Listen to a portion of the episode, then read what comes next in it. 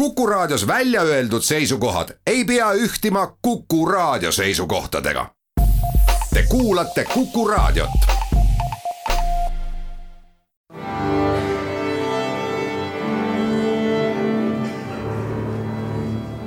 daamid ja härrad, Eesti Kontserdi saade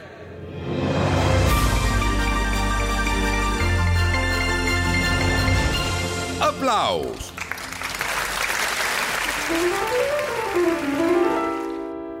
Tere kõigile, aplaus on eetris, mina olen Lauri Aav. Alustasin eelmist saadet täpselt kaks nädalat tagasi umbes sellise jutuga, et kontserdielu on küll pausil, aga tunneli lõpus paistab valgus praegu tänases päevas saan seda lauset vaid korrata, aga selgemaks on muutunud see, et kontserdielu paus kestab ka maikuus, aga see tunneli lõpus paistev valgus on ehk vähem hägusam ja juba palju konkreetsem, andes meile teada, et alates juunikuust on kontserdid jälle täiesti toimumas. loomulikult ei avane kõik korraga ja suure pauguga, ikka tasa ja targu ja rõõmustame kasvõi sellegi üle, et aasta tagasi oli teadmatus ehk suuremgi ja esimene kontsert toimus esimesel juulil, mitte juunis nagu seekord.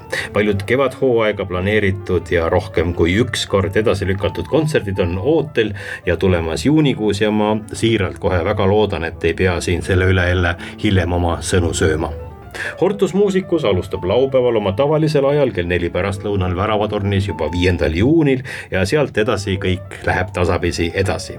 eelmisel suvel alustanud ja äärmiselt populaarseks osutunud suvised kontserdid Kadrioru lossis. rahvusmeeskoor alustab kümnendal juunil Estonia kontserdisaalis Riho Esko Maimetsa autorikontserdiga. lõpuks tulevad ka Sven Grünbergi autorikontserdid Hingus kaks tuhat kakskümmend üks koos Eesti Elektroonilise Muusika Seltsi ansambliga. Kadri Harry Warren Chamber Music Ensemble saab lõpuks tehtud ka oma kontserdid Pärnus ja Jõhvis, mis talvel ära jäid. no ja tegelikult on meil ka suvefestivalid kõik valmis ja stardiootel. kõik kontserdid on otsekui stardipakul ootamas, nii ka näiteks Sten Lasman, kelle soolokontserti on edasi lükatud juba üle aasta elukorraldus on praegu selline, mis võimaldab ka siin saates mitte ette vuristada kõike, mis on järjest tulemas, vaid keskenduda pisut detailsemalt mõnile üksikule kontserdile eraldi.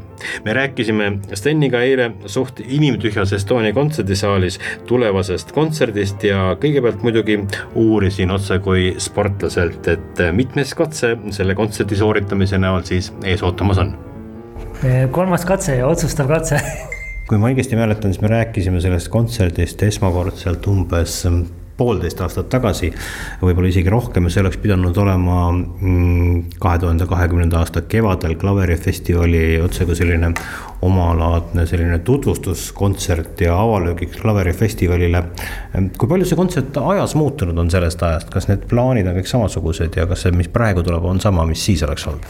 no ta on kindlasti parem et selles mõttes eh, klassikalise interpreedi töö mm, siiski ajas läheb paremaks see kava on tegelikult selline gigantne, et mõned muusikainimesed isegi laste mänguväljakul pöörduvad mu abikaasa poole ja küsivad, et mis Stenil arus on, kas ta piinab ennast? No tuleme korraks tagasi, vahepeal oli klaverifestival selline esimene päris äh, selline äh, õige värvilaik sellest piirangutest räsitud äh, muusikalises äh, sügises.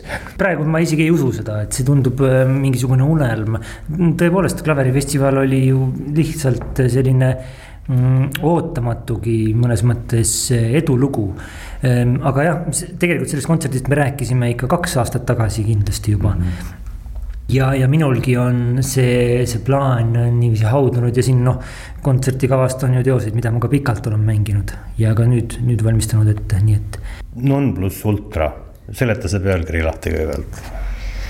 no renessansi ajastul sai äh, nagu antiigi taaselustamise võtmes väga tähtsaks metafooriks just nimelt see non pluss ultra, mis siis müütide järgi tegelikult oli Heraklase sammastele ehk Gibraltari väina külgedele kirjutatud ladinakeelne moto, et eh, siit edasi ei, ei ole või et noh, ühesõnaga siit edasi minnes tegelikult on siis tundmatu, avaneb tundmatu maailm, et see, te olete selles mõttes nagu sellise tund-, avatud ja igapäevase maailma piiril, siit edasi astudes omal riisikul astute tundmatusse teine külg seal tähendab ka sellist non pluss ultra, teine tähendus on ju see, et see tähendab midagi niivõrd noh, kõrget, keerulist, sealt edasi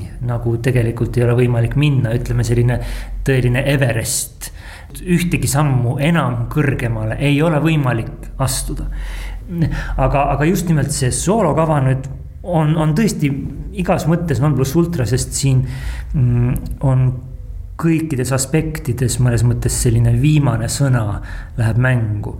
ja noh, see on erakordselt riskantne ettevõtmine igas mõttes. tegelikult igasugune suu pruukimine sel teemal on ka ohtlik. Kolm suurt B-d Bachi kromaatiline fantaasia, Fugo Brahmsi variatsioonid Paganini teemale ja Beethoveni Diabelli variatsioonid. no ma pean tunnistama, et ma mus on tekkinud siiski teatav selline enesekindlus kogu selle kava suhtes. ja noh, aukartus on endiselt kolossaalne, aga ma tunnetan sellist isegi intiimset kontakti kogu selle materjaliga.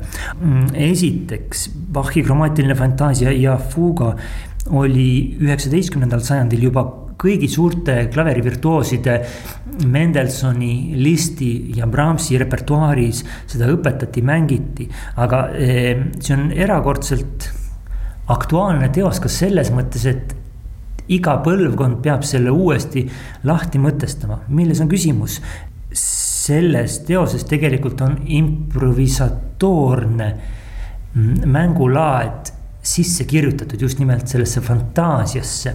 no kui nüüd midagi öelda, siis näiteks tõeline klassikalise muusika isegi ikonoklast eh, Glen Gould ütles, et kromaatilist fantaasiat ja fuugat mängivad pianistid, kes Bachi ei armasta.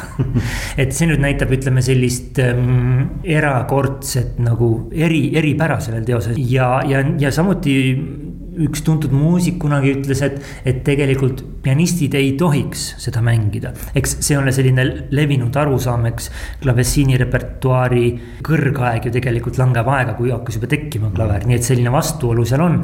tegelikult noh, kui nüüd päris aus olla, siis ega mul ei olnud, eh, mul ei olnud eesmärk ähm, epateerida mingisuguse mahu või ekstravagantsusega selle kava osas. selle kava kese on siiski Beethoveni Diabelli variatsioonid, millele ma olen aastaid mõelnud, et ma olen, kuidas nüüd öelda, läbi aastate selle Diabelli var-, variatsioonide gigantse rännaku poole kasvanud ja see oli mu peamine eesmärk. ja Brahmsi Paganini variatsioonid on selles mõttes ta on nagu mõneti vastand, sest Diabelli variatsioonides Beethoven üritab metafüüsilisel tasandil luua maailma ja öelda kõik ära. filosoofilisel tasandil ei ole muusikas võimalik minna kaugemale kui Diabelli variatsioonid, aga vastand oleks, ütleme, eluline, praktiline, lausa selline kuratlik virtuoossus ehk siis piiride nihutamine just mängu tehnilises võtmes. et eesmärk ei ole mitte muusika kui filosoofia, vaid muusika kui tegevus, kui praktika ja selle piiride, ütleme, äärmuslikkus. ja kuna palju aastaid ma olen tegelenud süvitsi Brahmsi variatsioonidega Paganini teemale, mis tegelikult on mõeldud kui etüüdid. kui me räägime listist, näiteks listi teosed on erakordselt nõudlikud ja virtuoossuse tipptase, aga enamasti nad tegelikult kõlavad suuremalt ja raskemalt, kui tegelikult nad on. Brahmsi Paganini variatsioonidega on nii, et tegelikult see teos on noh, märkimisväärselt veel raskem, kui ta kõlab noh, selline ekstreemne lausa. tulles tagasi selle alguse juurde, et kolmas katse ja nii edasi, ega sul ei ole hirmu, et sõbrad-kolleegid tulevad seda kontserti vaatama kui sooritust?